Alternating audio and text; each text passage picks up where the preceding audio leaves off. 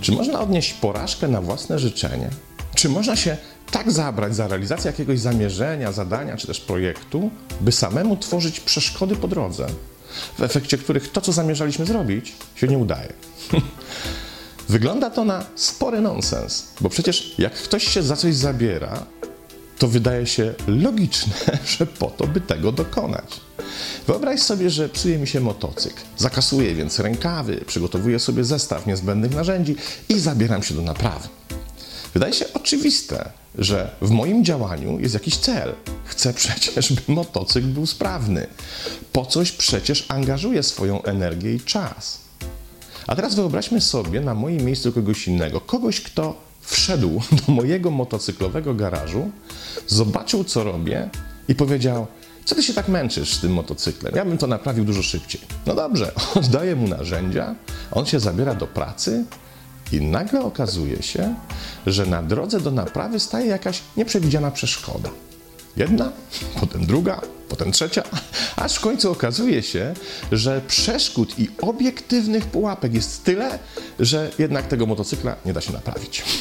A przynajmniej tak uważa mój pomagier, wskazując na piętrzące się problemy, które tłumaczą, że póki co z naprawy nici.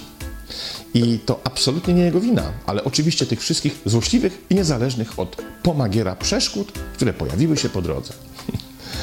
Albo inny przykład. Ktoś uczy się do trudnego egzaminu i nie wiadomo czemu, co chwila coś mu w tej nauce przeszkadza. A tu rozbolało go straszliwie łokieć i potrzebna jest pilna konsultacja specjalisty. A tu się zepsuła lampka nocna, więc po zmroku siłą rzeczy musi zrezygnować z nauki. A tu jeszcze na dodatek okazało się, że wypożyczył z biblioteki nie te podręczniki, co trzeba. No i oczywiście egzamin oblany.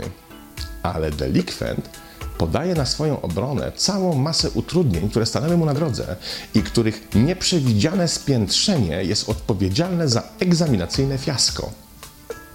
Znasz może takie przykłady z własnego życia? Twoim znajomym, a może też Tobie samemu tak się czasem zdarza? Otóż zjawisko to nazywane jest w psychologii samoutrudnieniem i zostało dość wnikliwie rozpoznane przez wielu światowej klasy badaczy ludzkich zachowań. Odkryli oni, że samoutrudnianie to mechanizm obronny stosowany przez ludzi wówczas, kiedy określone zamierzenie przekracza ich możliwości wykonawcze. Na przykład nie mają odpowiednich umiejętności, wiedzy czy doświadczenia, albo też wyzwanie, przed którym stoją, przeraża ich swoim ogromem. Po prostu nie przewidzieli, za jak trudne dla nich zadanie zamierzają się zabrać. Wówczas, wobec olbrzymiego prawdopodobieństwa porażki, muszą jakoś się z niej wytłumaczyć, by zachować twarz przed innymi, czy też przed samymi sobą. Najlepszym zaś wytłumaczeniem są przecież obiektywne trudności i przeszkody, których pojawienie się uniemożliwiło wykonanie tego zadania. Zastosowanie tego mechanizmu zdejmuje z nich odpowiedzialność za porażkę i przesuwa ją na zewnątrz, właśnie na te problemy, które im przeszkodziły. W ten sposób nie tylko zachowują twarz, ale też oszczędzają poczucie własnej wartości, które przy porażce automatycznie musiałoby polecieć w dół. Problem jednak w tym, że wiele badań wykazało, że te niby obiektywne zewnętrzne trudności wcale nie pojawiają się same. Otóż generuje je wyłącznie osoba wykonująca zadanie, by z góry się zabezpieczyć przed zakładaną przegraną. Można by powiedzieć, że ludzie posługujący się tym mechanizmem sami sabotują swoje dzieło, sami rzucają sobie kłody pod nogi, by zminimalizować szanse na sukces. Wówczas oczywiście sukces nie nadchodzi wyłącznie z ich winy, a dyskomfort z tym związany uśmierzany jest przez przeniesienie odpowiedzialności na niby niezależne czynniki zewnętrzne. Jedno z badań nad samoutrudnianiem, które w 1978 roku przeprowadzili naukowcy Jones i Berglas, przyniosło szokujący wynik. Wyobraź sobie trzy grupy. Wszystkie otrzymały do rozwiązania testy o różnych stopniach trudności. W grupie pierwszej łatwy, w grupie drugiej trudny, a w trzeciej niemożliwy do rozwiązania. Po badaniu poinformowano wszystkie grupy, że wypełniany przez nich test był bardzo łatwy. Przez to w grupie drugiej i trzeciej, gdzie test był rzeczywiście trudny i gdzie był nierozwiązywalny, w wielu osobach pojawiła się wątpliwość co do swoich umiejętności. Następnie zaproszono wszystkie grupy do kolejnego testu, ale tym razem z możliwością wyboru tabletki albo podnoszącej nasze możliwości intelektualne, albo też takiej, której działanie te możliwości obniża. I co się okazało? 70% badanych mężczyzn i 40% badanych kobiet sięgnęło po tabletkę obniżającą sprawność intelektualną. A zrobili to po to, by mieć później usprawiedliwienie. Nie rozwiązałem testu, bo przecież jestem po tabletce, która to spowodowała. A zatem to nie moja wina czy odpowiedzialność, ale tej tabletki. To nie kwestia moich zdolności, umiejętności, ale tej cholernej tabletki, prawda? Zastanawiające jest w tym badaniu to, że ludzie woleli nie poznać prawdy na swój własny temat. Wybierali życie w iluzji jedynie po to, by ochronić swoje poczucie własnej wartości.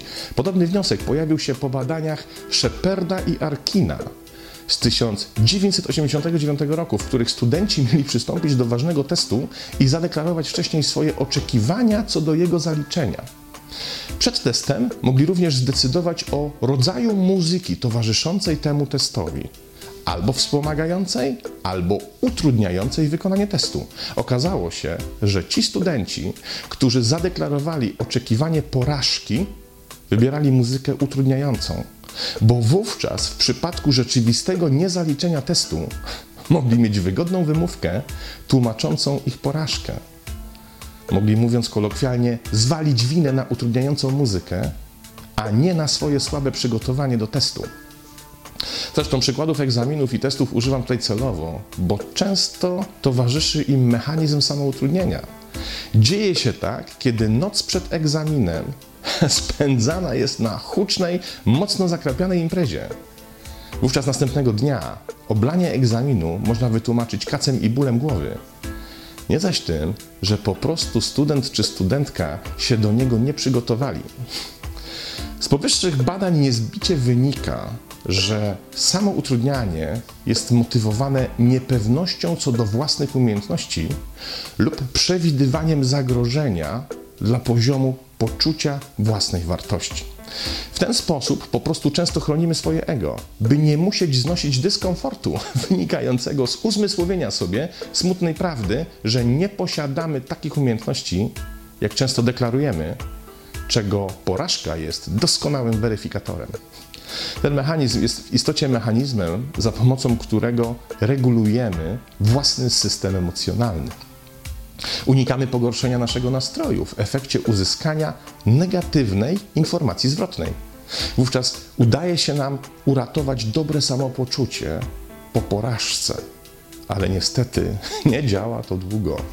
Tego typu zabieg obronny przynosi dość krótki efekt i nie jest stałym antidotum na negatywne emocje generowane przez fiasko naszych zamierzeń. Jak zatem radzić sobie z samoutrudnieniem? Otóż nie ma lepszego sposobu niż sama obserwacja, w której powinniśmy spróbować przyjrzeć się bliżej tym wszystkim utrudnieniom, które pojawiają się nam po drodze do realizacji jakiegoś zamierzenia i odpowiedzieć na pytanie, czy czasem ich występowanie nie wskazuje na istnienie nieobiektywnych przeszkód, ale na nasze celowe, często nieświadome sabotowanie wyniku działań, by się zabezpieczyć na wypadek porażki. Nie jest to proste zadanie, bo przecież wolelibyśmy tego nie wiedzieć o sobie. Wolimy egzystować w małej, ale za to jakże wygodnej iluzji, w której zawsze na przeszkodzie wyrasta nam jakiś obiektywny problem. Ale tej iluzji niestety trzeba się pozbyć, bo powoduje ona tak naprawdę katastrofalne skutki. Spójrz na to z tej perspektywy. Jeśli nie udaje Ci się czegoś osiągnąć z tak zwanych przyczyn obiektywnych, to jednocześnie te same obiektywne przyczyny powodują, że nie widzisz potrzeby zmiany sposobu swojego działania. Przecież, jeśli to nie Twoje umiejętności są odpowiedzialne za porażkę, to nie ma potrzeby ich zwiększać czy zdobywać nowych. W ten właśnie sposób samo utrudnienie blokuje tak naprawdę nasz rozwój. Miast wzrastać i zdobywać nowe umiejętności, uczyć się nowych rzeczy, rozwijać sprawczość, tkwimy w zadowolonym z siebie nic nie robieniu. A odpowiedzialność za taki stan rzeczy najłatwiej zrzucić na dowolny zewnętrzny czynnik.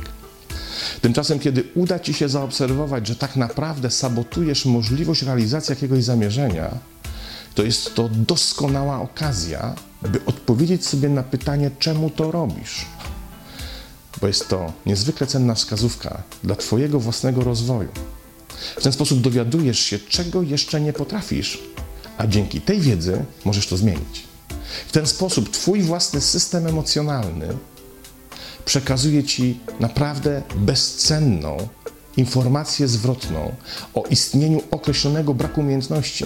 Kiedy zaś wiemy, jakie umiejętności nam e, brakują, to ich zdobycie czy uzupełnienie staje się dziecinnie proste. Jednak nie da się uzupełnić czy wykształcić określonych umiejętności, jeśli w mechanizmie samoutrudniania zamieniamy ich brak albo właściwie zamiatamy ich brak pod dywan. Wyobraź sobie dwóch tenisistów. Obaj wykonali nieprecyzyjny serwis i trafili w siatkę. Jednak jeden z nich mówi, no tak, z tą nową rakietą no od razu było wiadomo, że będzie problem. A drugi, aha, więc serwis sprawia mi kłopoty, muszę poświęcić dużo więcej czasu na jego wyćwiczenie przed piątkowym meczem. Jak myślisz, który z nich w piątek osiągnie lepszy wynik? To oczywiste.